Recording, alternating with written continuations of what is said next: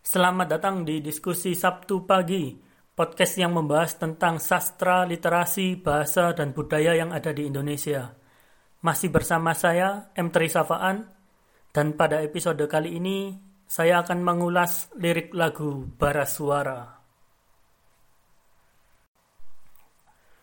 Sebelum saya mulai mengulas lirik lagu Bara Suara, mungkin saya akan menyampaikan sedikit hal. Jadi beberapa waktu lalu ada yang bilang ke saya, loh ini kan podcastnya namanya diskusi tapi kok ada yang monolog. Ya saya jawab aja sih sebenarnya kayak ya kan ketika saya bermonolog kemudian kalian komentar seperti itu DM saya atau menyampaikan secara langsung lah itu kan berarti mulai ada komunikasi dua arah lah ya ya itulah yang dinamakan diskusi dunia maya. Saya menyampaikan sesuatu dan kalian mencoba untuk memberikan saran, kritik, masukan dan lain sebagainya. Ya itu sudah dua arah lah. Atau mungkin kalau ingin lebih jelas lagi, coba didengarkan yang episode pertama. Di situ saya menyampaikan latar belakangnya lah kenapa kok namanya diskusi. Ya mungkin itu saja, langsung saja saya akan mengulas lirik dari bara suara.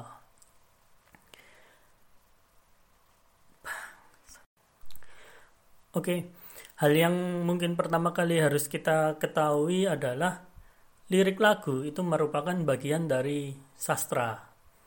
Jadi sastra itu adalah seni melalui media bahasa dan di dalam lagu ketika ada liriknya maka di situ ada media bahasa yang digunakan. Dan ketika kita akan menganalisis melalui sudut pandang sastra maka kita mungkin harus mengetahui terlebih dahulu ruang lingkup pembahasan sastra atau ruang lingkup analisis sastra. Jadi analisis sastra biasanya dilakukan pada tiga hal.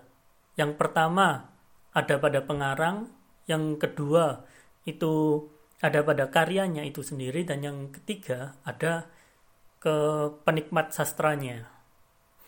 Nah, di sini yang pertama misalkan ketika menganalisis pengarang berarti nanti akan coba saya hubungkan mengenai bagaimana background dari penulis lirik lagu Bara Suara yang mana di sini adalah Iga Masardi bagaimana biografi singkatnya, bagaimana dia belajar sastranya dan lain sebagainya. Dan mungkin ada yang belum tahu, Iga Masardi ini adalah anak dari Yudhistira ANM Masardi, seorang penyair Indonesia. Nah, itu nanti saya akan membahas mengenai hal itu. Mungkin akan saya bahas di belakang karena nanti akan dapat kita ketahui ada beberapa kesamaan antara karya-karya yang dihasilkan oleh Yudhistira Masardi dan juga Iga Masardi. Kemudian yang kedua itu mengulas mengenai karyanya itu sendiri. Jadi nanti saya akan mencoba untuk membedah lirik-lirik yang ada di lagunya Bara Suara ini dan mungkin akan saya hubungkan kepada dua pendekatan utama apabila kita melakukan analisis sastra yakni melalui psikologi sastra dan juga sosiologi sastra. Jadi bagaimana hubungannya nanti akan saya bahas. Kemudian yang ketiga, oh sebelumnya, jadi di dalam menganalisis sastra sebenarnya banyak pendekatan-pendekatan yang bisa digunakan, tapi untuk nantinya ini saya akan fokus membahas pada pendekatan sosiologi sastra dan psikologi sastra. Kemudian yang ketiga itu menganalisis dampak atau ya dampak dari penikmatnya. Kalau buku ya berarti pembaca, kalau lagu ini berarti ya penikmat musiknya. Jadi dampaknya di masyarakat sebenarnya seperti apa sih lagu-lagu suara inilah. Itu nanti akan saya sampaikan semuanya. Tetapi karena ini memang analisis yang sifatnya menyeluruh, akhirnya ya saya sampaikan tidak per bagian tetapi langsung pada suatu kesatuan yang utuh. Oke, langsung saja. Sebenarnya saya mulai tertarik menganalisis lirik lagunya Bara Suara itu setelah Bara Suara merilis albumnya yang kedua, Pikiran dan Perjalanan. Jadi waktu itu saya niatnya mau nulis di Instagram lah mungkin ulasan singkat gitu tapi waktu itu entah mengapa saya masih banyak berpikir juga karena kalau saya tulis di Instagram sepertinya hanya sedikit nanti sedangkan ini sesuatu yang punya isi yang banyak jadinya sepertinya media tulis di Instagram kan juga dibatasi oleh karakter juga akhirnya wah kurang deh nah kemudian ternyata saya buat podcast beberapa bulan setelah albumnya Bara Suara rilis ya mungkin menarik lah ini kalau saya sampaikan di podcast. Ya saya menikmati bara suara sejak album pertama itu sebenarnya. Tetapi memang ya tertarik untuk mengulasnya lebih lanjut ya setelah adanya album kedua itu. Niatnya saya awalnya hanya mengulas album kedua, tapi saya rasa dari album pertama dan album kedua itu ada kesinambungan di sana dan sepertinya sangat menarik kalau misalkan saya juga mengulas di album pertama juga. Oke, jadi langsung saja saya sampaikan ulasan saya di album pertama dari Bara Suara yang berjudul Typhoon. Jadi apabila kita misalkan melihat lirik lagu dari Bara Suara itu ada tiga jenis kalau saya bagi sesuai babakannya. Jadi yang pertama itu lagu-lagu yang sifatnya itu tentang sosial.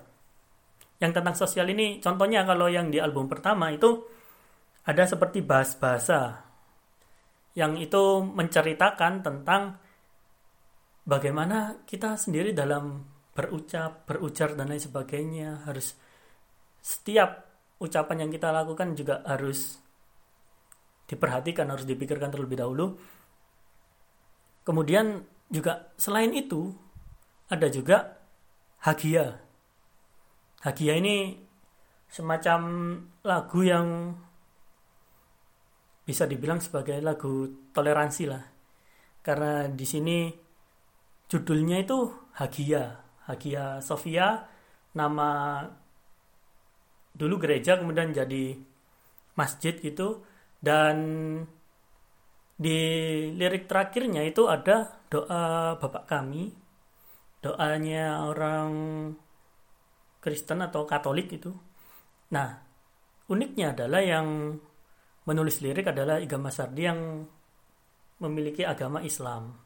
Jadi mungkin hampir sama seperti yang kalau di podcast episode sebelumnya saya sedikit membahas bahwasanya ketika lebaran malah puisi yang sering diunggah di Instagram dan lain sebagainya itu malah puisinya baju bulan karya Joko Pinurbo yang itu dia beragamanya non muslim nah ini kan sesuatu yang unik. Yang mungkin ya bisa dibilang tentang toleransi. Itu tadi mengenai yang sosial. Kemudian ada juga sesuatu yang sifatnya itu pribadi dari si Iga Masardi. Ya, atau mungkin lebih tepatnya berbicara mengenai keluarga. Di dalam album pertama, Typhoon, itu ada dua lagu yang bercerita mengenai keluarga. Bukan bercerita, ya bukan bercerita tentang keluarga tapi ada suatu pesan dari Iga Masardi sebagai penulis mengenai ibu yang ditulis dalam lagu berjudul Tarinti. Itu yang pertama dan yang kedua ada katanya Iga Masardi itu pesan untuk anaknya yang itu nanti masuk di lagu berjudul Typhoon. Tetapi apabila kita lihat lagi, sebenarnya Typhoon juga bisa masuk ke kategori yang satunya, yakni kategori psikologis. Kenapa itu bisa terjadi? Karena di lagu Typhoon itu bukan hanya sekedar wejangan untuk anaknya saja, tetapi di sini juga bisa dibilang wejangan untuk semua orang dan itu tentang bagaimana menjalani hidup yang baik. Dan setelah itu langsung saja di kategori yang ketiga tentang psikologis itu tadi. Jadi kalau yang pertama tadi kategori sosial, kedua kategori bisa dibilang internalnya dari penulis, yang ketiga ini lagu-lagu yang membahas mengenai psikis atau psikologis. Ada banyak di sini, mulai dari mengunci ingatan, menunggang badai, nyala suara, sendum lagu, api dan lentera itu juga semuanya membahas tentang psikologis. Psikologis seperti apa yang dibahas di sini? Mungkin kalau misalkan digambarkan sekilas terlebih dahulu, keseluruhan ini psikologis yang ingin disampaikan adalah bagaimana manusia dengan segala permasalahannya, dengan segala macam depresinya, itu bisa tetap menjalani hidup dengan baik atau bangkit dari rasa depresi yang ada.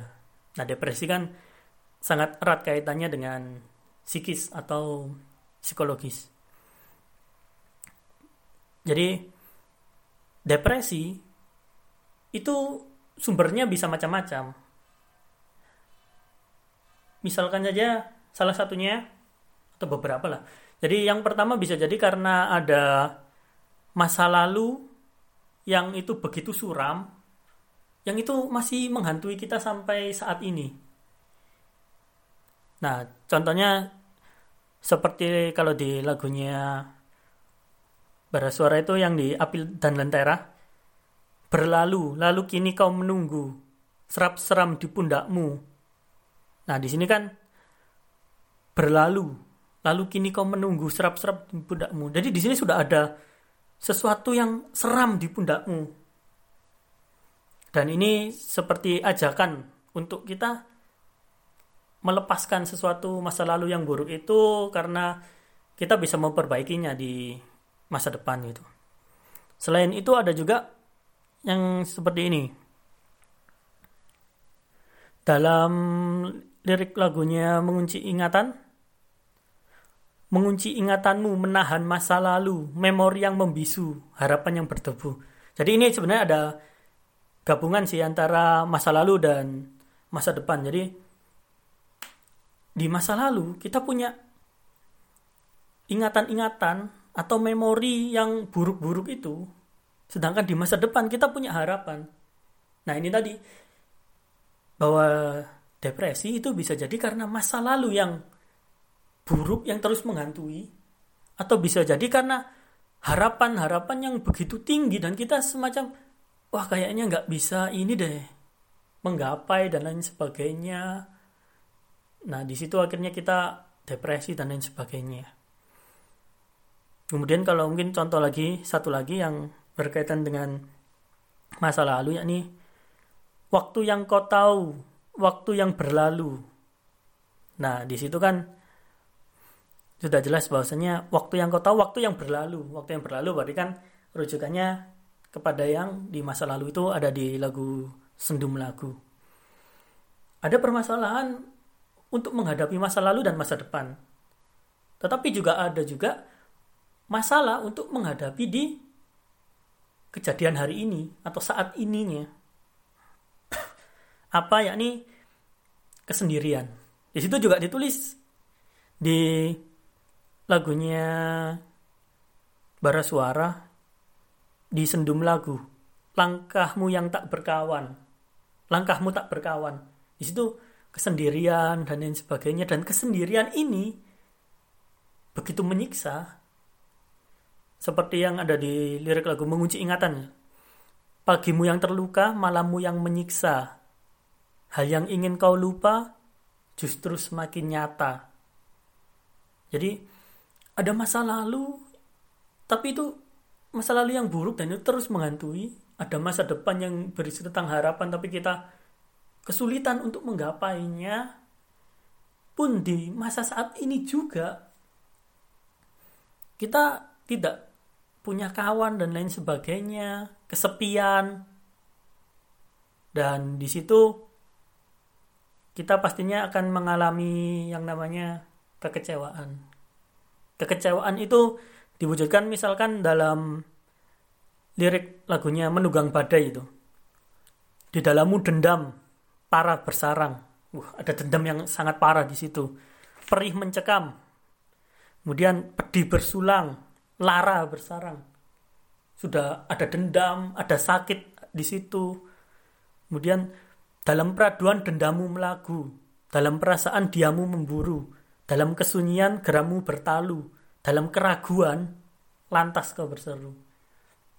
Nah, di sini ada perasaan-perasaan yang tidak mengenakkan, yang akhirnya muncul di situ. Ya entah itu dendam terhadap masa lalu, ataupun keraguan untuk menghadapi masa depan itu sendiri. Dan ditegaskan lagi di lagu ini nyala suara, baramu padam, baramu padam, laramu menyala tanpa suara. Ini tadi. Jadi semacam memendam perasaan. Laramu menyala tanpa suara. Kita sakit tapi kita tidak bisa menyampaikan apa pun gitu. Dan kemudian ada yang unik di sini adalah bara dalam sekam. Bara dalam sekam ini cukup unik karena saya kira ini ya kata-kata biasa gitu. Yang menggunakan majas tertentu. Tetapi ternyata ketika saya telisik lagi bara dalam sekam ini merupakan paribahasa. Jadi ada paribahasa yang dimasukkan dalam sebuah lagu bara dalam sekam ini artinya kurang lebihnya mungkin hampir sama seperti diam-diam menghanyutkan atau ada sesuatu yang itu buruk tetapi itu tidak kelihatan gitu.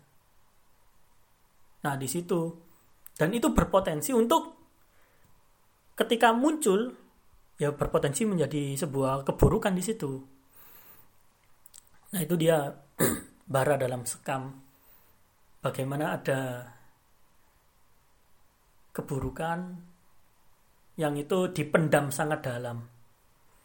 Dan mungkin hampir sama seperti di lirik lagunya Typhoon, tawamu lepas dan tangis kau redam. Jadi ada penyimpanan-penyimpanan perasaan di situ yang nanti akhirnya berpengaruh kepada psikologis. Nah, kalau di liriknya Typhoon tadi berhubungannya dengan di masa depan, harapan-harapan di masa depan. Jadi seperti tawamu lepas dan tangis kau redam di dalam mimpi yang kau simpan sendiri. Jadi kita punya mimpi dan lain sebagainya. Seakan-akan kita bisa tertawa lepas dan lain sebagainya, tapi sebenarnya di balik itu semua kita menangis. Ya seperti orang yang punya dua muka di situ. Dan apabila kita melihat dari sisi psikologis ternyata ya itu tidak baik juga yang seperti itu. Nah, dari situ ada banyak kekecewaan yang terjadi di saat ini, masa saat ini dan lain sebagainya. Atau mungkin kalau bahasanya itu sedang dalam fase melankolis.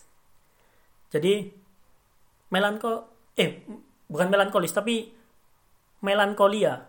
Jadi berbeda antara melankolia dan melankolis. Melankolia itu kondisi di mana kita merasakan depresi yang sangat dalam dan itu berulang-ulang secara terus-menerus. Itu yang namanya melankolia. Kalau melankolis itu kecenderungan kita untuk cepat sedih dan kadang sedihnya itu kepada hal-hal yang tidak seharusnya kita sedihkan. Jadi mudah sedih itulah. Itu yang namanya melankolis. Tapi di sini kondisi yang ingin dihadirkan oleh Iga Masardi sebagai penulis lirik adalah kondisi melankolia atau depresi yang sangat dalam dan itu terjadi secara terus-menerus. Dan memang hal itu tidak dapat dipungkiri ya di era sekarang banyak sekali orang-orang yang menderita apa ya namanya kelainan psikologis atau apa tetapi kadang orang tidak sadar hal itu.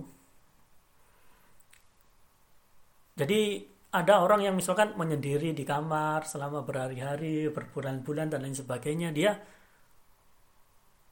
kadang dia merasa ya baik-baik saja gitu loh. Jadi menyendiri bukan artian dia terus-terusan di kamar seperti itu tidak, tapi dia juga keluar misalkan untuk kuliah, sekolah atau kerja, tapi setelah mereka sekolah, setelah mereka kuliah atau setelah mereka kerja, mereka langsung menutup diri di rumah atau di kos-kosan atau di kontrakan menyendiri sendirian itu. Dalam hubungan bersosial itu buruk dan lain sebagainya.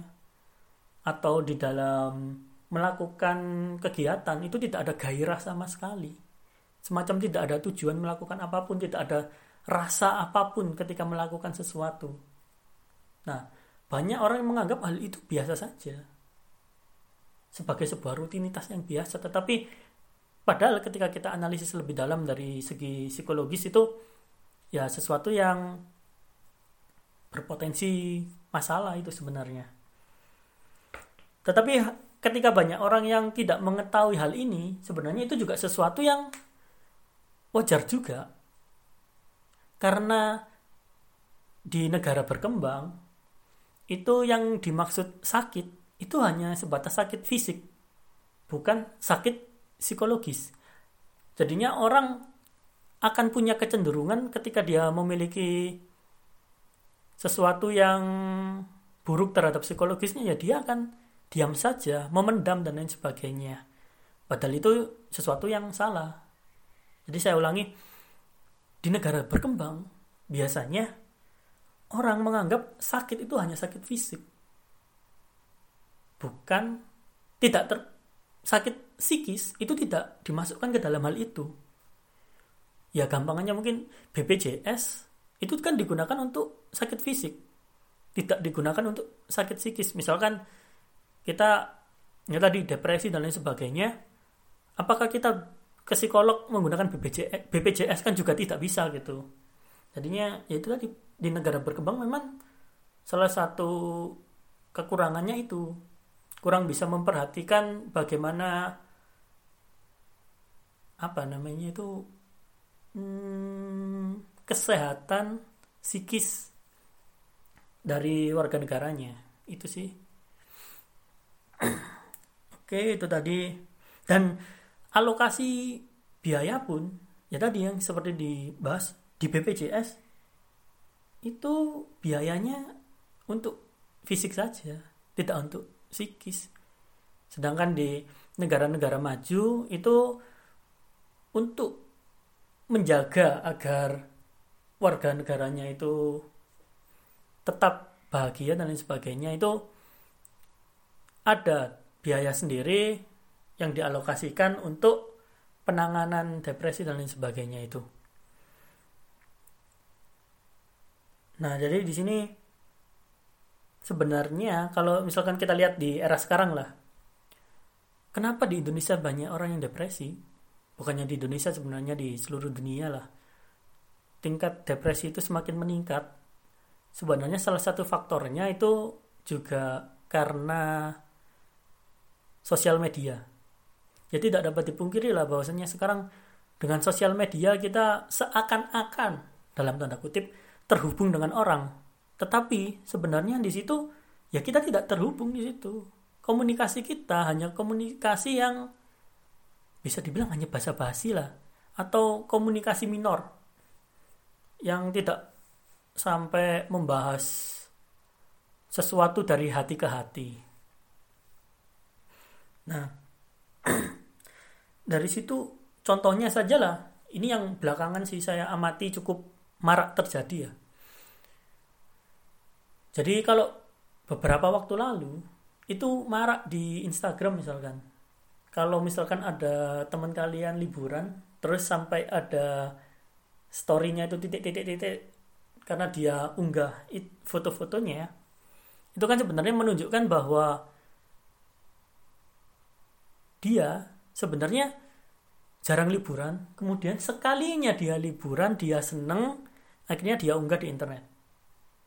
Saya tidak menganggap semua semuanya seperti itu tapi mayoritas seperti itu dia jarang liburan sekalinya liburan diunggah di internet. Tapi bagi saya itu masih hal yang wajar. Kenapa? Karena orang memang tidak bisa liburan setiap saat. Liburan juga pasti ada waktu-waktunya tertentu. Nah yang menarik belakangan ini adalah orang mengunggah sesuatu di Instagram itu bukan karena liburan, tapi karena ngopi bareng, karena diskusi bareng. Jadi sering itu, tiba-tiba ada teman-teman yang unggah di internet, misalkan terima kasih diskusi inspiratifnya. Nah, di situ kan sebenarnya apabila kita menggunakan logika yang liburan tadi, berarti mereka itu jarang berdiskusi dengan orang, jarang bersosialisasi dengan orang. Sekalinya dia bersosialisasi, dia senang di situ. Dia mendapatkan hal baru. Kemudian dia unggah di internet. Nah, sebenarnya sebenarnya hal itu merupakan sesuatu yang bisa dianggap bermasalah juga. Karena tingkat diskusi, sosialisasi, ngobrol itu sedikit.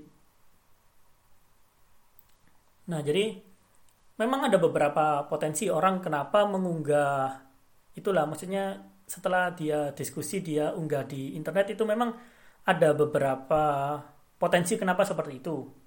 Salah satunya yang pertama itu tadi karena dia nggak pernah diskusi, kemudian sekalinya diskusi, akhirnya seneng diunggah itu bisa ada juga potensi yang kedua itu dia sebenarnya ya diskusi gitu sering diskusi tetapi dia diskusinya dengan teman-temannya yang itu palsu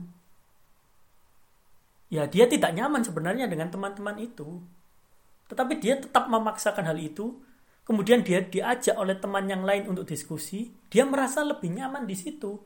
Lah barulah dia posting di internet. Bisa jadi karena hal itu juga. Nah, ada beberapa faktor lah itu yang pada akhirnya orang itu tadi karena adanya media sosial dia kesusahan untuk berinteraksi di dalam dunia nyata. Oh ya, mungkin ada lagi yang ini. Ada orang yang bisa jadi setiap ngopi setelah diskusi itu dia posting, dia unggah di internet.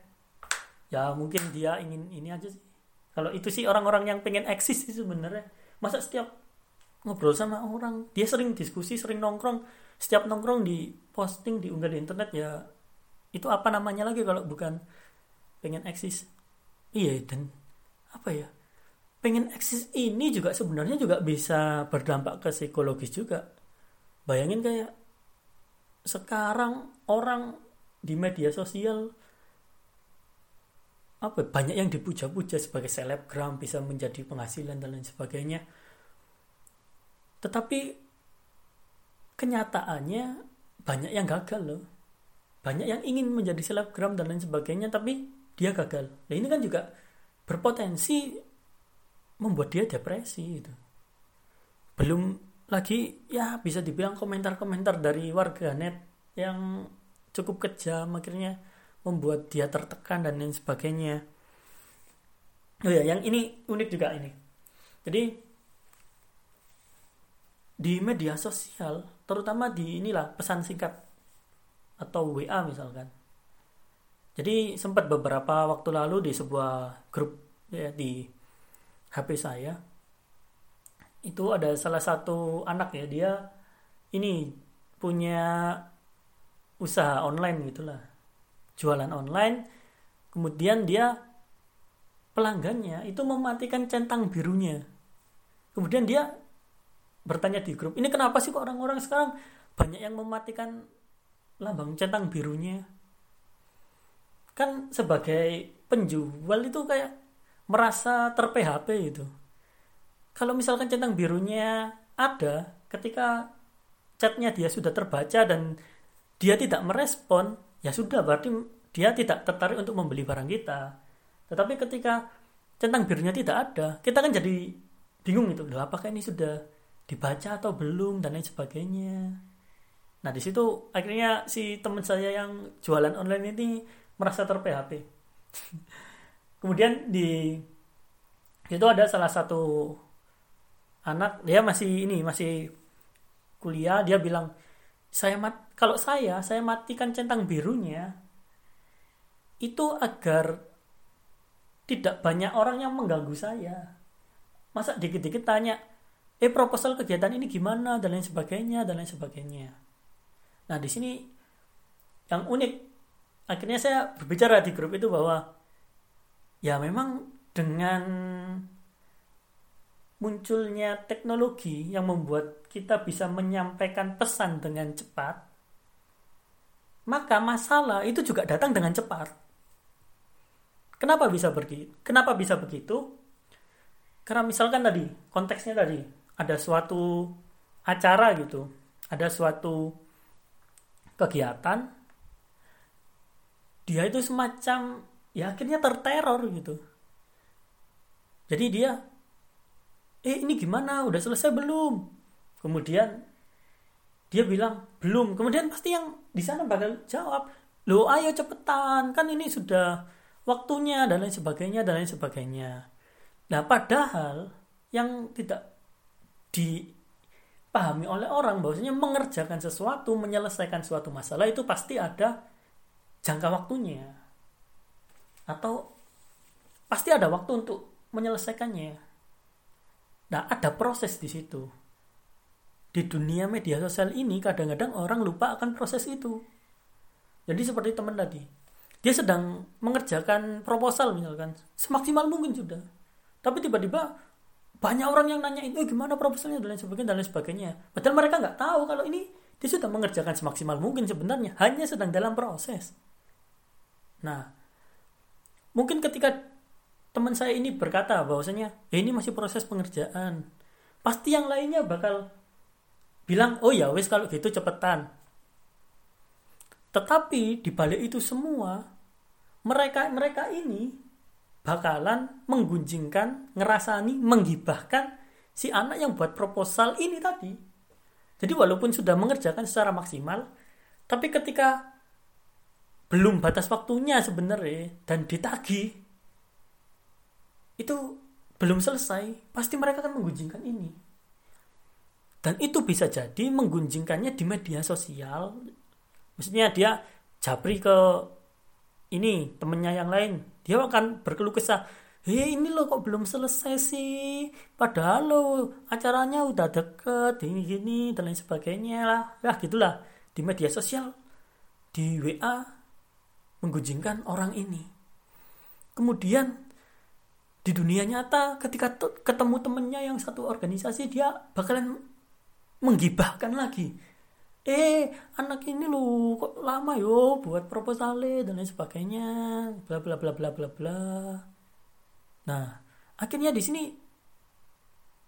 si anak yang buat proposal ini dia tahu kalau dia digunjingkan oleh teman-temannya. Dari jadi ada yang banyak yang menggibahkan dia.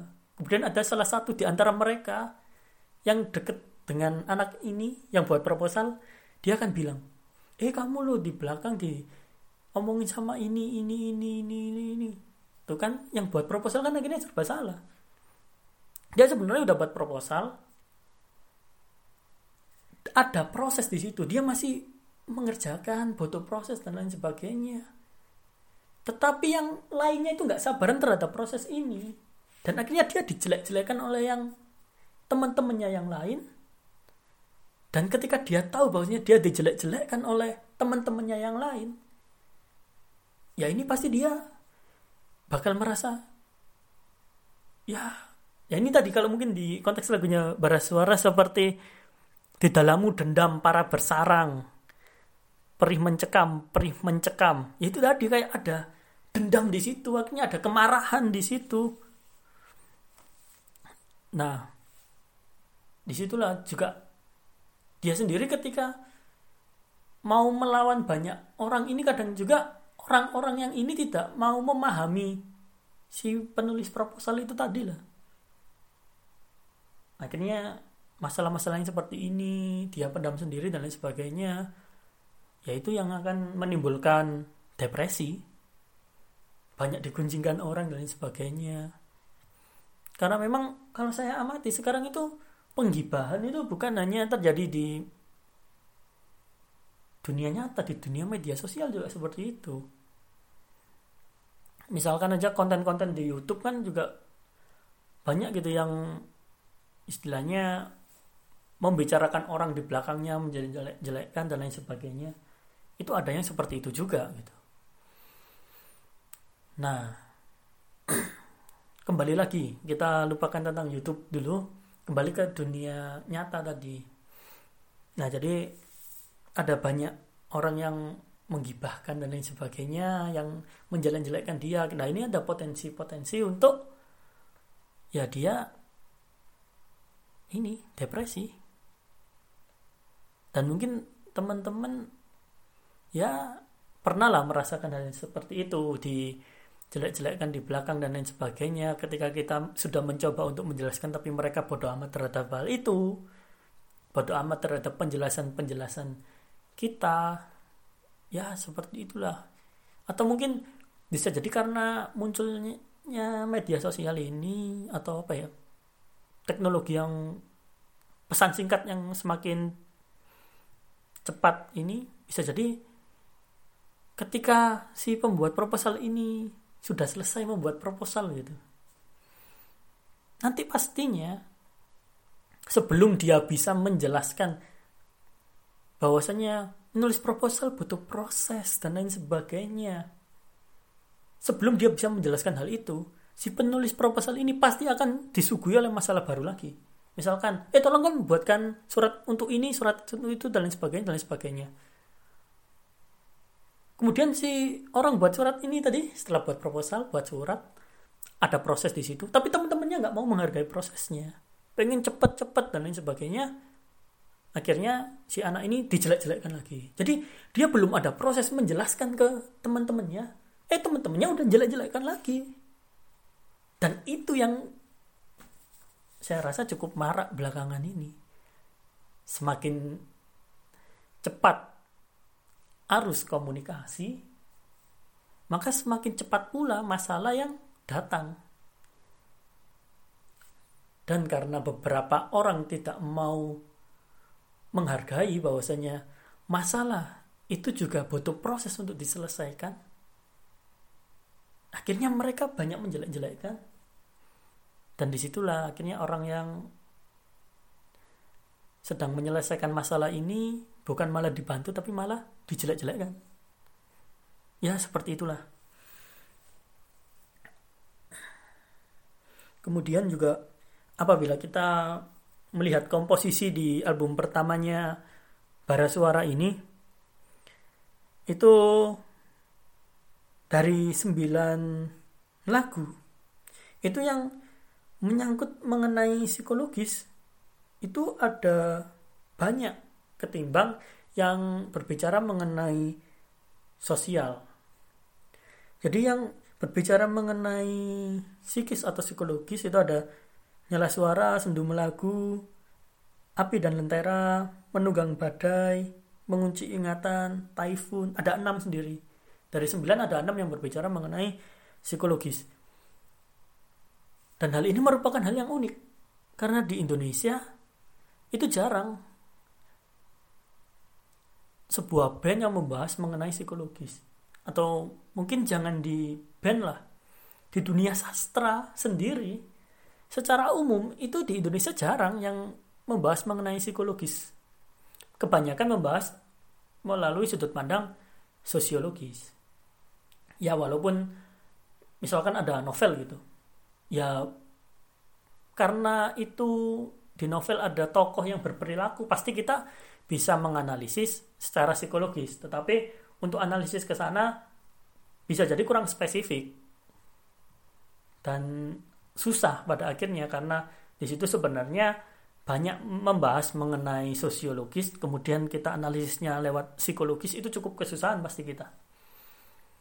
Nah mungkin yang membahas mengenai psikologis ya kalau di Indonesia mungkin salah satu contohnya Aan Mansur yang membahas mengenai ini di novelnya perempuan eh lelaki terakhir yang menangis di bumi. Nah itu kan kalau misalnya dihubungkan dengan Aan Mansur dan lain sebagainya itu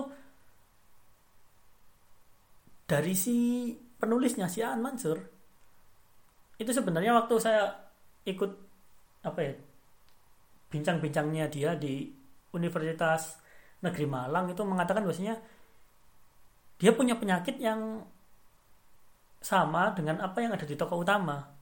Tetapi bedanya yang di tokoh utama ini akhirnya dibuat meninggal. Tetapi si An Mansur sebenarnya masih hidup dengan penyakit yang sama itu tadi.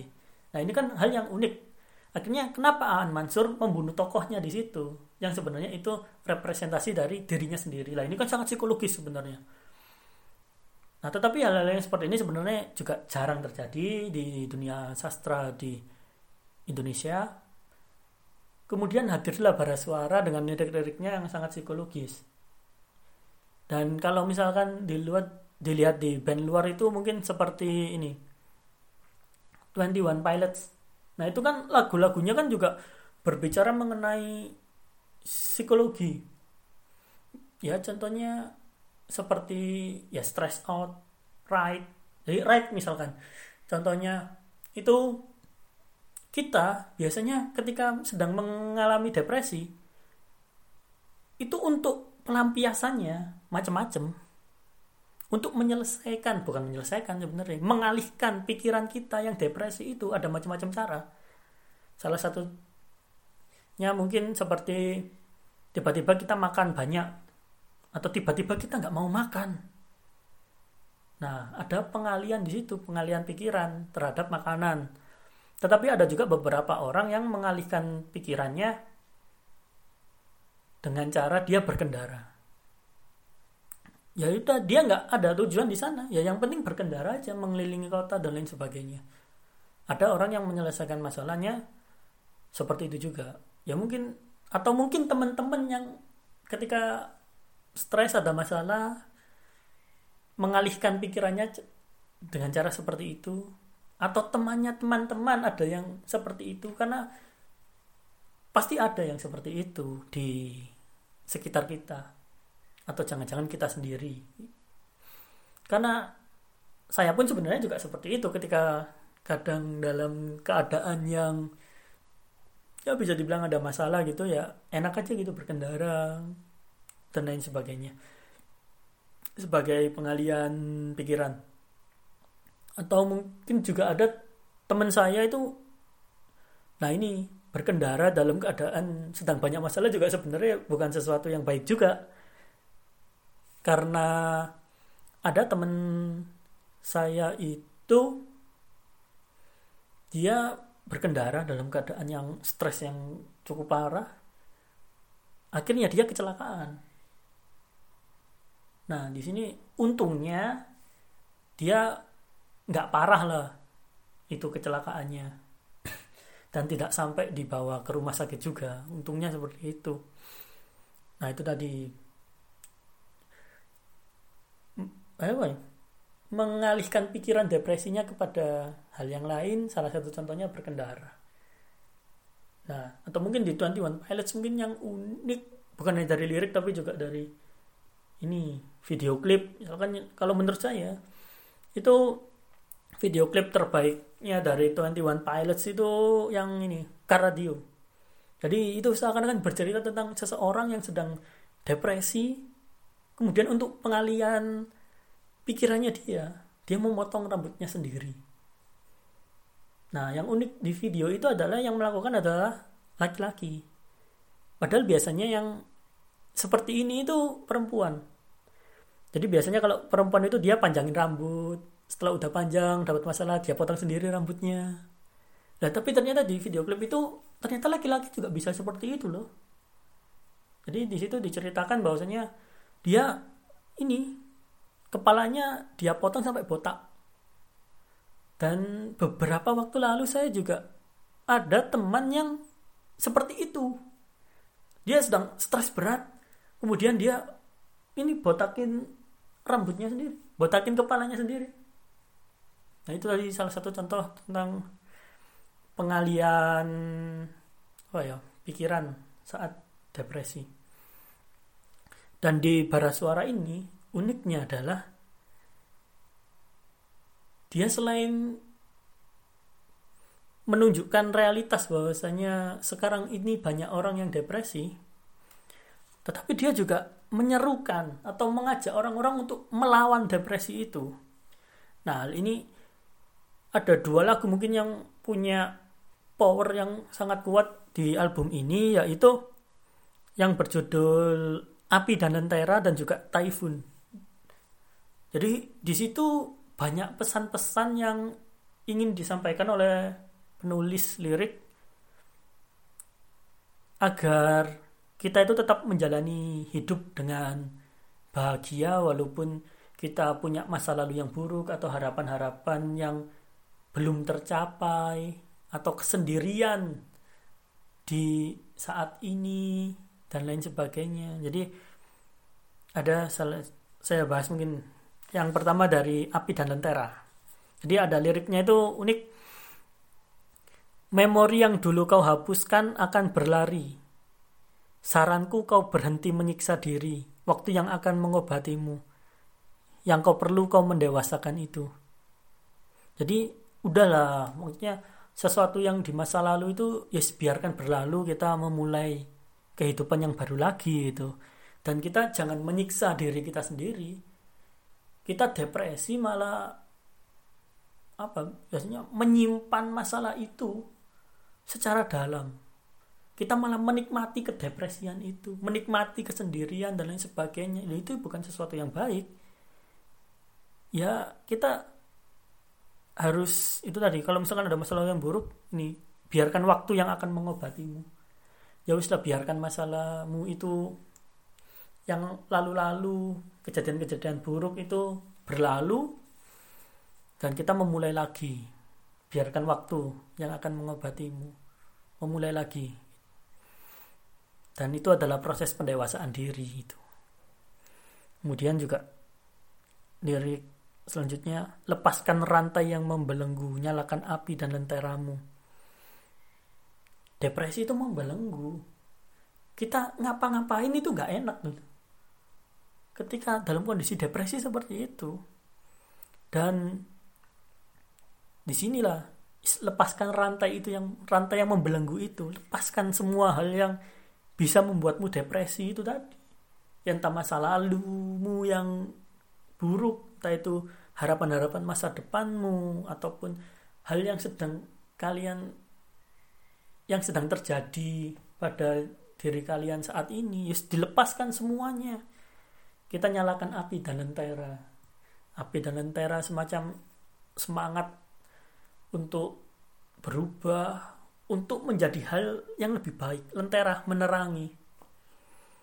Kemudian di akhir ada lirik lagi kita akan pulang dengan waktu yang terbuang dan kenangan yang berjalan bersama. Wow jadi kita memang dalam saat depresi kita kan ya buang-buang waktu biasanya. Nggak ngapa-ngapain gitu dan lain sebagainya. Ya wis lah waktu itu terbuang tapi kita juga bisa tetap menjalani hidup kita berjalan bersama. Tadi yang di api dan lentera ada ajakan untuk wis lah yang tadi bahasanya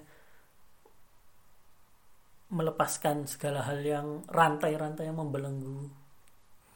Untuk kita akhirnya punya semangat lagi menjalani hidup. Kemudian ada lagi di Typhoon. Ini penutup albumnya itu lagu Typhoon ini. Saat kau menerima dirimu dan berdamai dengan itu kau menari dengan waktu tanpa ragu yang membelenggu. Udahlah maksud kayak masalah itu pasti bakal berlalu.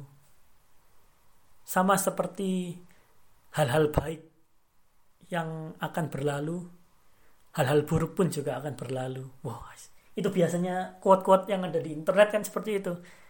Ya inilah sama halnya tadi. Yes ketika ada hal buruk yang menimpamu ya pasti semua akan berlalu. Kita mulai dari awal lagi dan lain sebagainya dan lain sebagainya.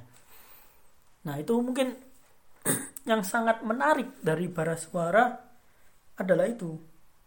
Tulisan-tulisannya lirik lagu lirik lagunya itu banyak membahas tentang psikologi tetapi itu bukan psikologis yang malah membuat pendengarnya itu larut ke dalam kesedihannya.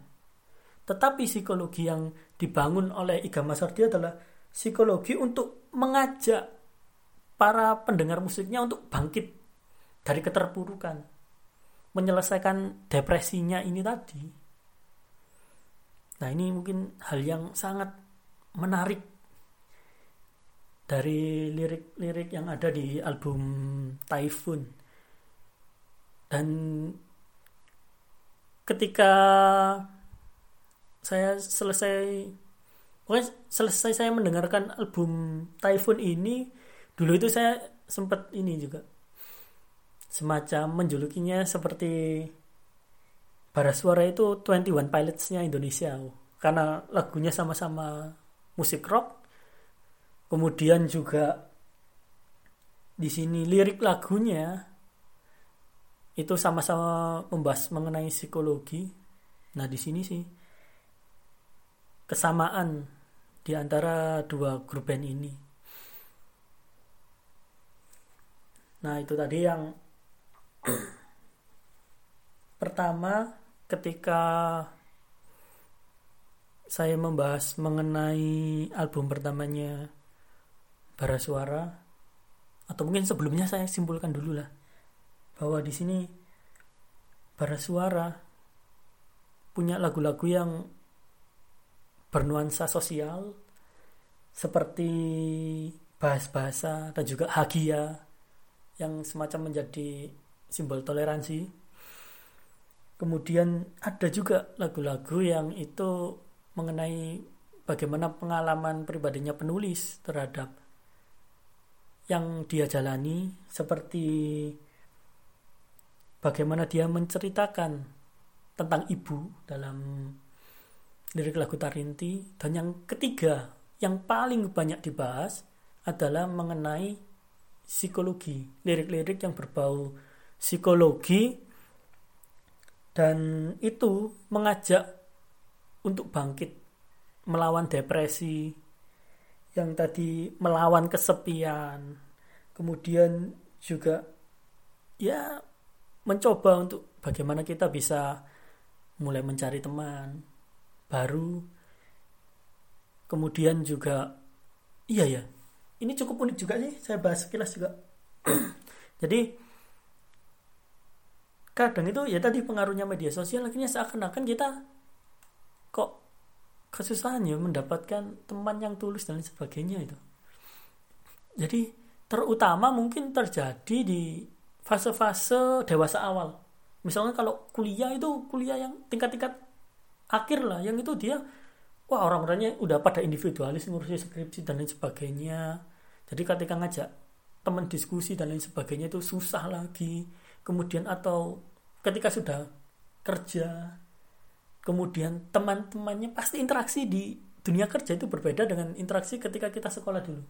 Ketika sekolah kita bisa punya teman ngobrol kapan aja dan lain sebagainya sedangkan di dunia kerja hal itu kurang. Karena interaksi kita biasanya bukan hanya dari hati ke hati ketulusan itu tadi tetapi keseringan tidak semuanya tapi seringnya itu tentang ini tentang materi. Jadi hubungannya hubungan hubungan materi pada akhirnya. Karena memang beberapa teman saya yang sudah kerja misalkan entah mengapa ketika saya ajak ngopi mereka seneng banget itu. Dan beberapa kali gitu sama teman-teman yang seperti itu mesti saya sampai dibayari gitu. Kopinya dan lain sebagainya dia bilang terima kasih dan lain sebagainya. Loh padahal ya saya di sini ngopi pengen nambah wawasan. Dia saya ingin dapat wawasan baru dari dia yang sudah kerja bagaimana dan lain sebagainya bagaimana lingkup kerjanya dan lain sebagainya. Tapi dia berkata terima kasih kepada saya lah ini kan sesuatu yang unik gitu. Dan setelah ditelusuri lebih lanjut ternyata dia ya itu bercerita seperti itu tadi bahwasanya di dunia kerja ternyata berbeda interaksi sosialnya dibandingkan ketika sudah ketika masih sekolah gitu gitulah nah itu tadi sih. Pokoknya intinya kalau di ini bara suara yang menyangkut mengenai psikologi setelah mengajak kita untuk bangkit dari depresi istilahnya hal-hal buruk di masa lalu ya kita mencoba berdamai dengan itu. Kemudian bagaimana ketika ada harapan-harapan yang masih belum terwujud ya kita harus sabar dengan hal itu melawan tadi masalah-masalah yang terjadi di saat ini. Ya seperti itu.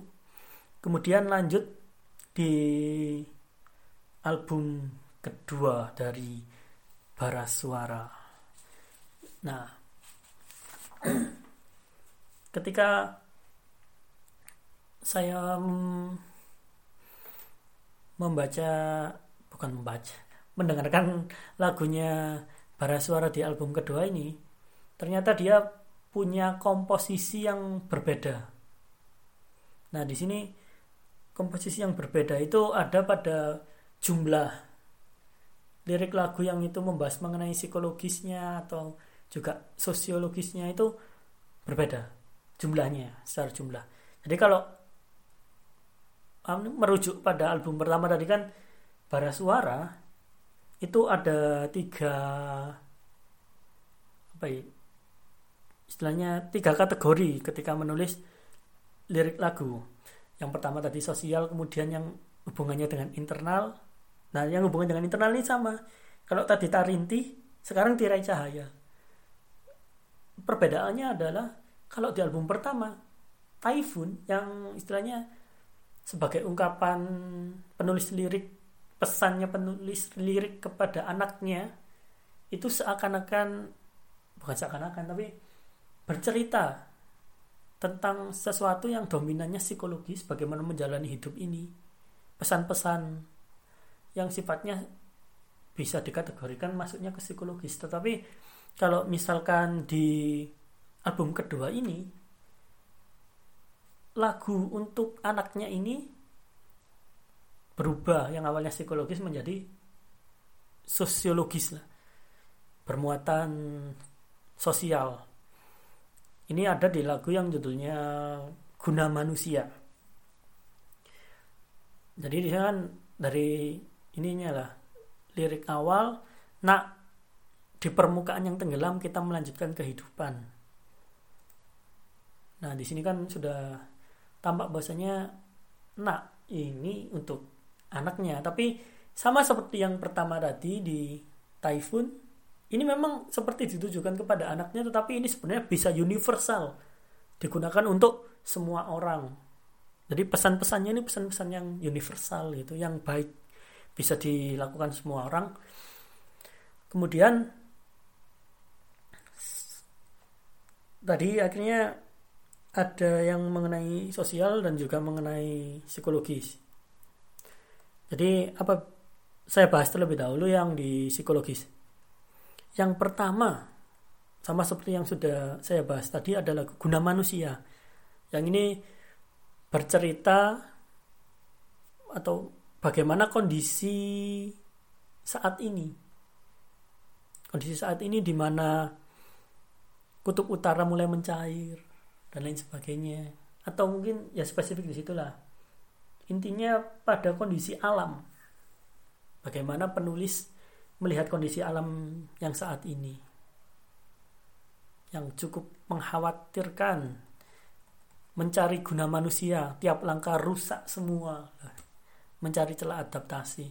Jadi bagaimana kita harus bisa berbuat untuk mengurangi pemanasan global itu tadi. Memanaskan dunia mencair di utara kita di ujung masa. Kemudian yang kedua itu ada lagu haluan. Ini sama seperti dengan yang lagu guna manusia tadi atau mungkin ya semua yang berada di lingkup sosial itu pasti latar belakangnya sama yakni bagaimana seorang penulis lirik melihat kondisi realitas sosial yang ada di masyarakat saat ini. Apa yang menggelisahkan dia yaitu yang dia tulis.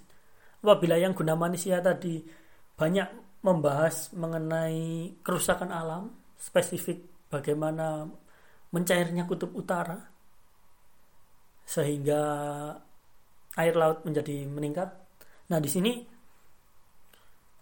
haluan itu membahas mengenai hoax berita bohong yang marak terjadi saat ini. Terutama karena sekarang juga tahun politik, hal itu banyak terjadi dan mungkin hal itu juga yang akhirnya meresahkan penulis dan akhirnya menulis lagu ini, lirik lagu ini misalkan menari melibas antara huru hara huru hara bersulang untuk perbedaan satukan haluan. Di sini semacam wih ada perbedaan yang akhirnya membuat huru hara membuat ada semacam cekcok dan lain sebagainya di sini. Mualan bualan paksaan ancaman yang benar diredam diputar haluan. Jadi seakan-akan ini kita udah nggak tahu lagi ini yang benar yang mana karena yang benar pun disalahkan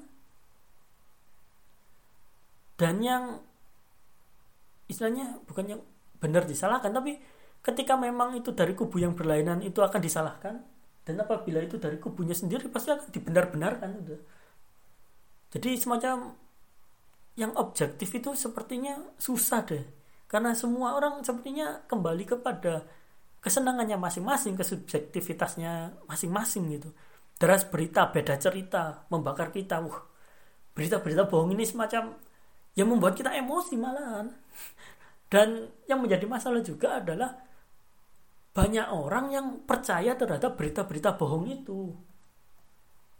Nah kemudian di bagian terakhir oh bersurang di lautan keberagaman. Matahari manusia langit yang sama. Ya kita maksudnya sesama manusia yang ciptaannya Tuhan lah. Yang akhirnya kita mengesampingkan segala hal dan lebih mengutamakan aspek-aspek manusiawinya tadi. Ya mengurangi bukan mengurangi ya sebisa mungkin untuk tidak percaya kepada berita-berita bohong itu tadi. Nah, itu tadi yang mungkin bisa saya ulas sedikit di lagu haluan. Kemudian yang ketiga ada lagu masa mesias mesias. Nah ini mungkin lagu yang awalnya cukup sulit untuk ditafsirkan itu dan memang kalau menafsirkan sesuatu kan memang ya tergantung pada si penafsir itu sendiri juga tetapi di sini uniknya dari penulisan lirik Iga Masadi adalah dia kadang ketika liriknya ini sulit untuk ditafsirkan, dia memberikan semacam clue. Clue kata-kata. Misalkan kalau di masa Mesias-Mesias ini guna-guna adu domba David et Impera. Oh, berarti ini sekarang kondisinya banyak orang sedang diadu domba dan lain sebagainya. Nah, di situ kan akhirnya ketika dilihat lagi masa Mesias Mesias Mesias kan itu dalam agama Kristen dianggap sebagai juru selamat. Dan akhirnya oh iya ini banyak orang yang mengadu domba dan lain sebagainya. Kemudian juga ada orang yang merasa suci menyala-nyalakan yang lain seakan-akan dia juru selamat.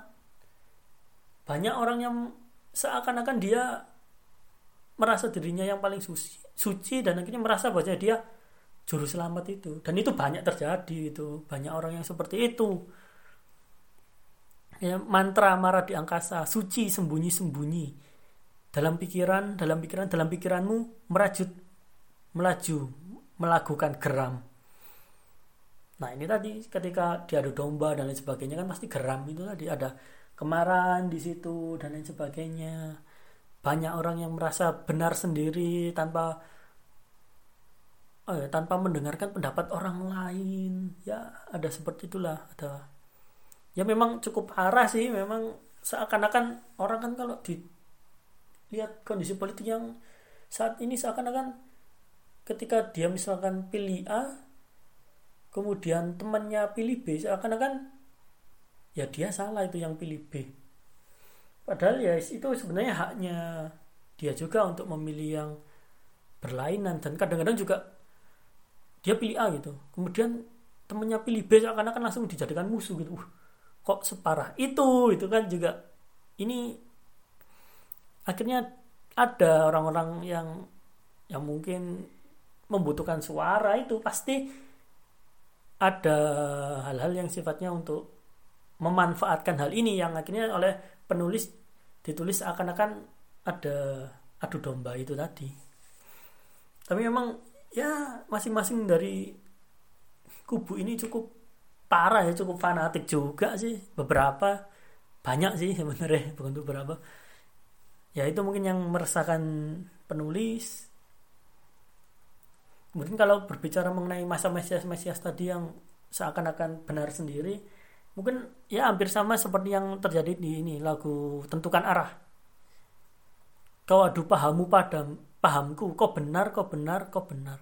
Kita sudah beradu paham tapi bagaimanapun hasilnya entah yang benar dari aku atau kamu pasti kamu akan mengatakan bahwasanya benar dari kamu itu tetap bersikuku itu kemudian menyulam taringmu aumanmu berseru.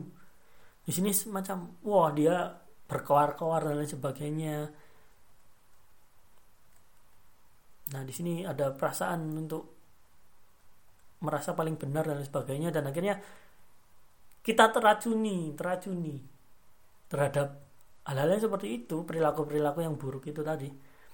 Dan pada akhirnya di sini penulis menyarankan bahwasanya kita harus bisa mengambil sikap di situ, menentukan arah dan meredam amarah kita. Nah, itu sih mungkin lagu terakhir yang membahas tentang sosial sih walaupun mungkin saya sebenarnya juga agak ragu sih di lagu tentukan arah ini karena bisa masuk ke eh, psikologis juga sebenarnya ya. Karena ya untuk menentukan arah di ini. Apa di dalam kehidupan lah maksudnya tidak terpengaruh oleh orang lain dan lain sebagainya. Ya, bisa jadi seperti itu. Tapi memang saya lebih cenderung memasukkan di ranah sosial sih. Itu sih. Kemudian setelahnya adalah kita akan membahas lirik lagunya Suara yang berkaitan mengenai sosial. Jadi yang eh kok psikologi. Wah sudah mulai oleng sepertinya saya sudah oh satu jam lebih. Oke lanjut aja lah. Oke jadi yang psikologi itu pertama mungkin saya membahas mengenai seribu racun. Seribu racun ini saya mikirnya seperti jadi di album yang pertama itu banyak membahas tentang psikologis dan ketika itu semua dicampur adukkan jadi satu, dicampur jadi satu ya jadinya seribu racun itu. Jadi dipadatkan semuanya ya jadinya seribu racun ini. Sekarang ku berjalan arungi seribu malam. Ku sembunyi di tirai-tirai mentari. Wah ini kan arungi seribu malam ya, biasanya kan orang yang depresi kan juga insomnia juga gitu arungi seribu malam. Seribu malam itu berarti ya tiga tahun. Wih tiga tahun depresi itu parah loh udah. Ada yang orang yang sangat tertekan lah di situ. Kemudian lanjutkan ragu di dalam jantungku. Bergemuruh merobek langit. Di situ ragu di dalam jantungku. Bergemuruh merobek langit. Merobek langit. Itu seakan-akan ini. Merobek langit itu seperti halilintar petir. Kan merobek langit. Jadi bayangkan seperti wah majasnya cukup luar biasa sih ini. Jadi kita langsung membayangkan seperti langit sedang hitam sedang kelam ada petir lagi. Nah di situ seperti wah kita benar-benar sedang dalam masa-masa yang sangat-sangat suram sekali.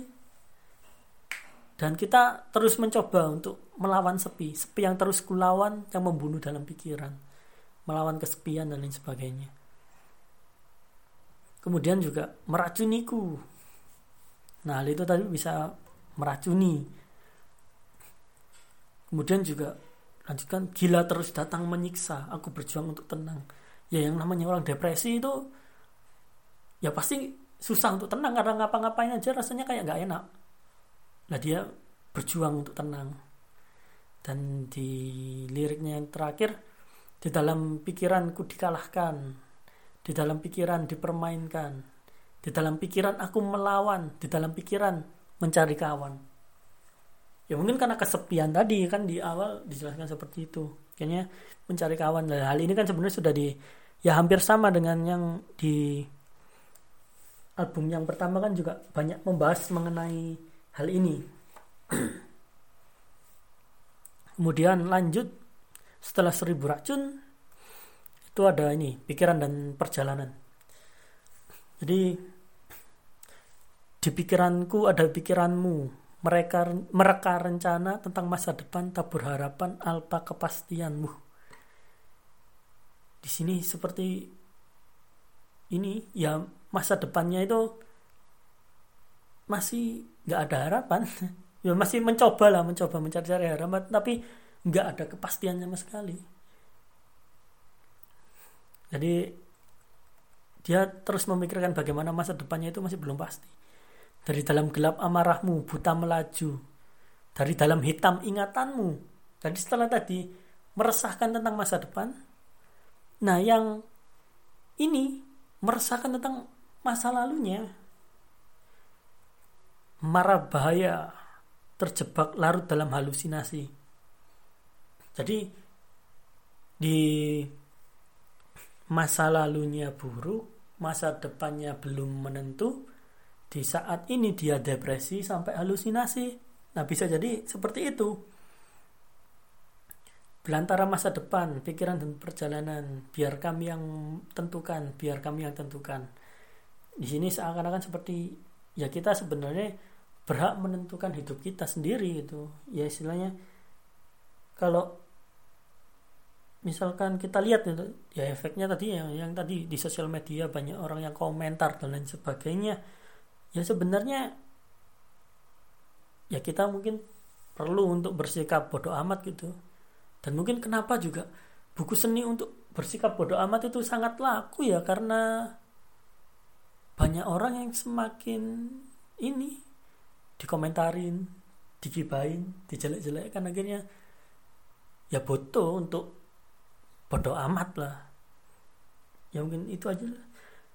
Ya kalau mungkin pengen dengerin ini tentang seni untuk bersikap bodoh amat saya sudah mengulas sih di episode 2 bisa didengarkan juga. Nah di sini di ini.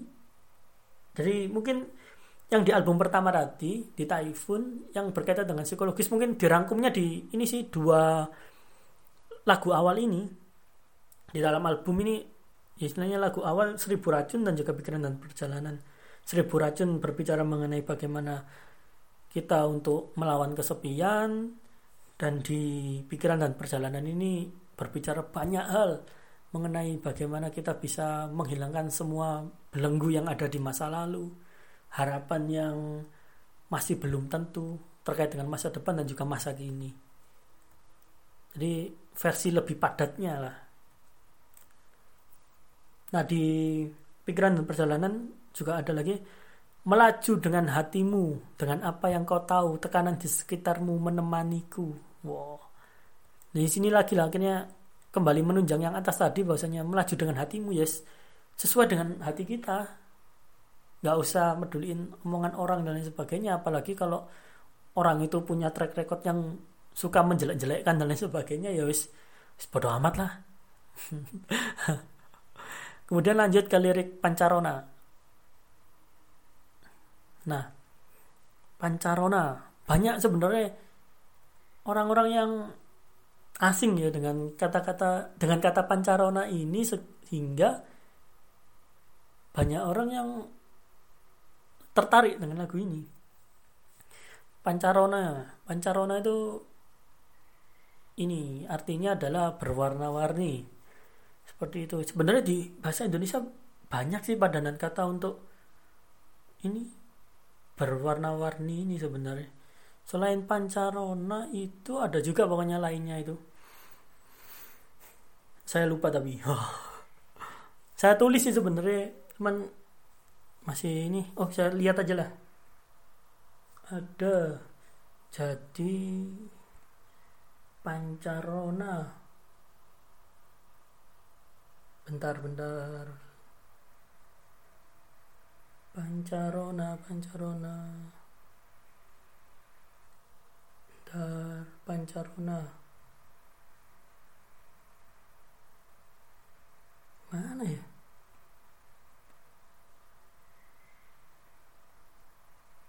Ya, hilang, hilang, hilang. Catatan saya hilang. Ya, sudahlah. Ada pokoknya beberapa kosakata lain sebenarnya yang selain pancarona ini cuman ya mungkin kebetulan juga saya yang familiar memang dengan pancarona ini karena dulu ada tugas pokoknya waktu itu semester berapa saya lupa tentang kosakata baru dan salah satunya pancarona ini nah terus di sini yang unik adalah ada liriknya kesunyian melakukan kerinduan, kesepian, melankolia. Lah ini sih yang unik. Jadi ketika di album pertama tadi saya sudah menyampaikan bahasanya ini situasi yang ada di album pertama ini adalah semacam ingin membuat orang-orang yang dalam fase melankolia ini untuk lepas dari fase depresinya itu. Tetapi di situ tidak ada satu kosakata pun tentang melankolia. Dan pada akhirnya di Pancarona ini diperlihatkan itu ada kata ini. Kalau sebelumnya saya tahu kata melankolia di lagu itu di lagunya Efek Rumah Kaca, melankolia. Judulnya juga bahkan melankolia. Dan kemudian ada di bara suara yang ini. Nah, kemudian untuk lagu psikologis yang terakhir itu adalah Samara. Ini semacam ajakan agar kita bisa melawan depresi itu tadi. Jadi mungkin itu yang menjadi ciri khas dari bara suara. Liriknya banyak membahas tentang psikologi dan itu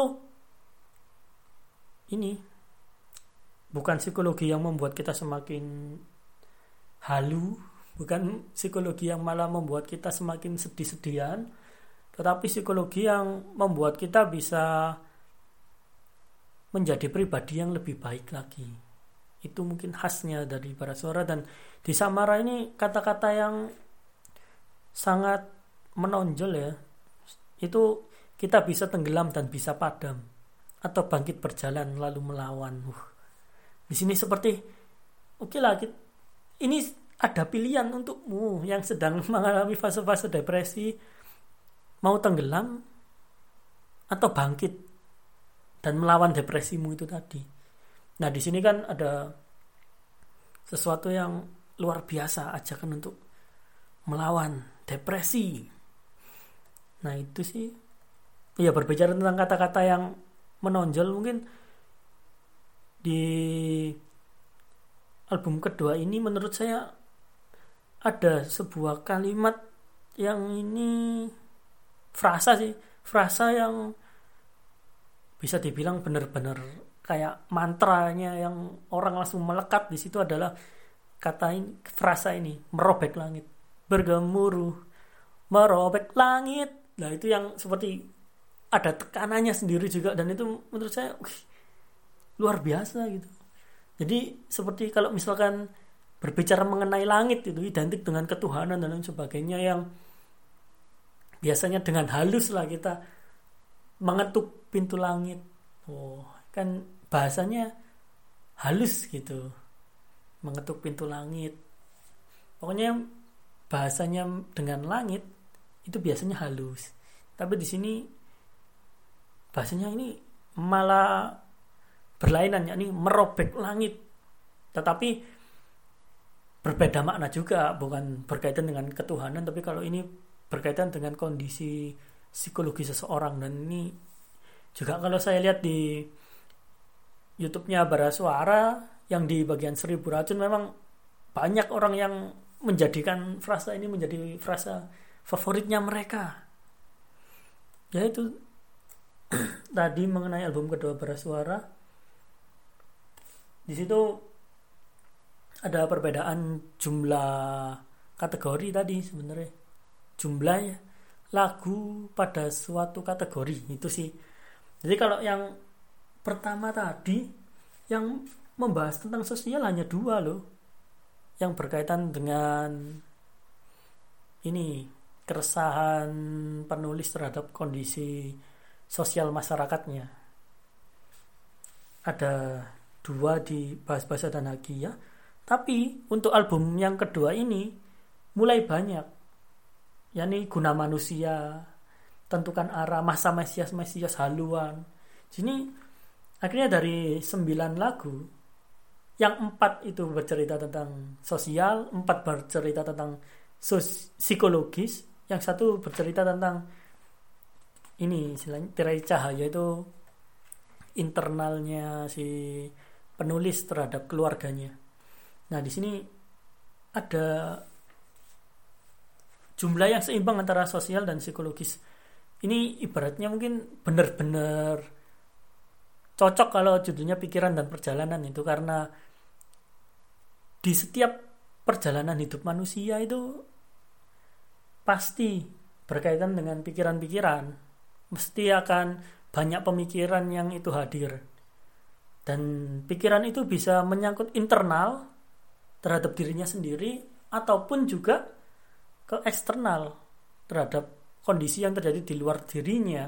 Nah ini sangat pas juga karena memang yang membahas tentang psikologis atau internal pikiran dirinya itu ada empat yang membahas dari luar dirinya itu ada empat juga jadi ini pada akhirnya ada perbedaan dari album pertama dan kedua mengenai liriknya yakni semakin banyak penulis lirik untuk membahas hal-hal yang di luar unsur kejiwaan, di luar unsur psikologis. Yakni membahas mengenai kondisi yang terjadi. Ya mungkin ada kaitannya dengan konteks sekarang yang ini tahun pemilu akhirnya mungkin hal itu juga banyak meresahkan penulis dan yang unik juga mungkin di album berikutnya komposisinya seperti apa lagi ya liriknya kalau yang pertama sudah bahas banyak mengenai psikologis, yang kedua antara psikologis dan sosiologis ini sama jumlahnya. Di album ketiga bagaimana? Apakah jangan-jangan nanti yang banyak adalah nuansa sosial? Atau ternyata tetap seimbang? Atau ternyata kembali lagi banyak membahas mengenai psikologis? Nah itu juga kita nggak tahu juga bagaimana nanti kelanjutannya. Ya kita tunggu saja karena ini nanti kalau misalkan kembali lagi banyak membahas mengenai yang sifatnya psikologis itu juga sangat baik karena bisa jadi itu semacam menjadi apa ya brandingnya bara suara banyak membahas mengenai hal-hal yang sifatnya psikologis. Yang itu band-band lain jarang seperti itu. Dan kemudian atau misalkan tetap dengan komposisi yang seperti ini yakni komposisi di album kedua antara psikologis dan sosiologis jumlahnya sama atau jangan-jangan sosialnya yang sama ada perubahan di situ jadi yang pertama berbicara tentang kedirian kemudian di situ sudah mulai mengajak orang untuk keluar dari depresi dan memandang kehidupan di luar dari internalnya saja memandang eksternal. Kemudian di album kedua akhirnya banyak yang sosialnya. Dan kalau misalkan selanjutnya juga akhirnya komposisi sosialnya semakin banyak yaitu mungkin apa ya pendengar itu ikut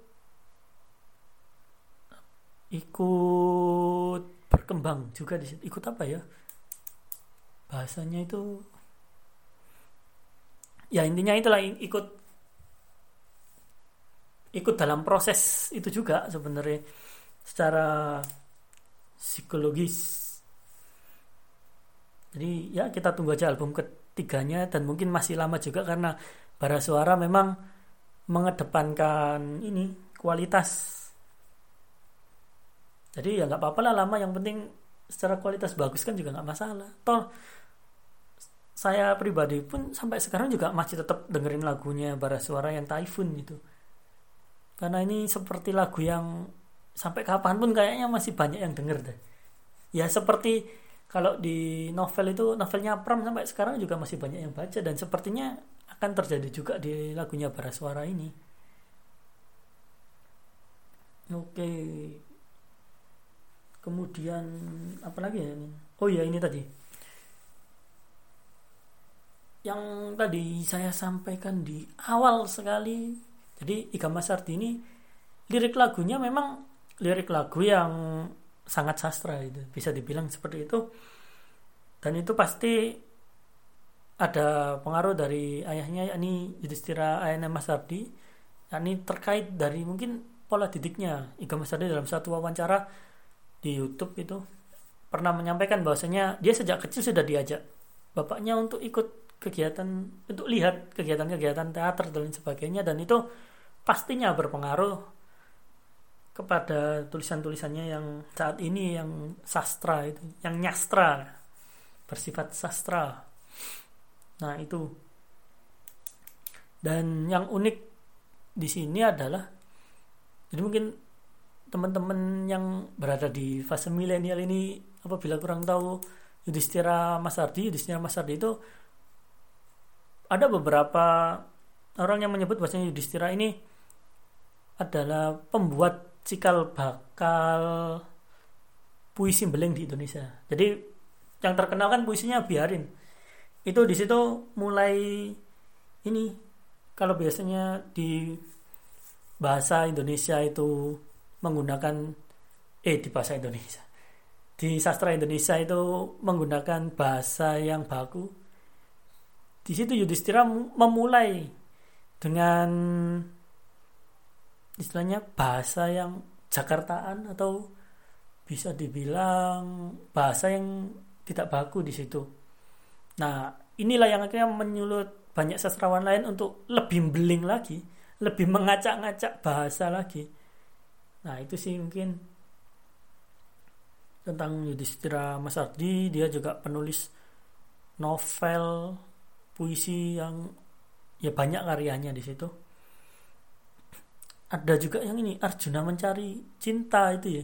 Itu yang mungkin bisa bilang menginspirasi Ahmad Dhani untuk menulis lagu berjudul serupa. Bisa jadi seperti itu sih.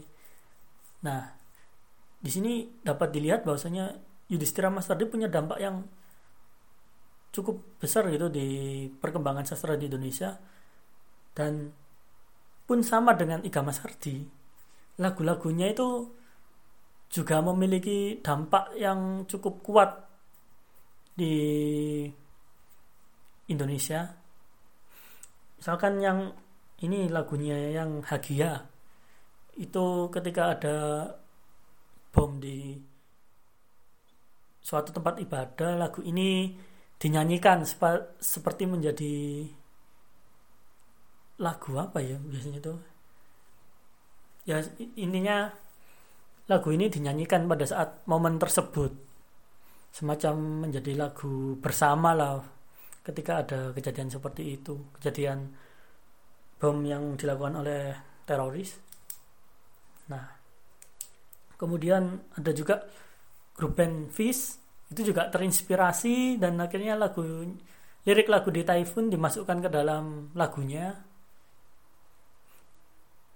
Kemudian ada juga mungkin belakangan saya lihat kok ini di Instagram Ivan Lanin kan membuat ini lingua bahasa.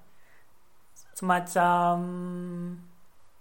bagaimana memberikan pelatihan-pelatihan kebahasaan terhadap pelatihan kebahasaan kepada orang-orang dan di situ ada suatu konten kemarin waktu Ramadan itu ini judulnya bahas bahasa. Loh ini kan istilahnya entah itu kebetulan atau bagaimana tapi itu judul dari lagunya Bara Suara itu single pertamanya.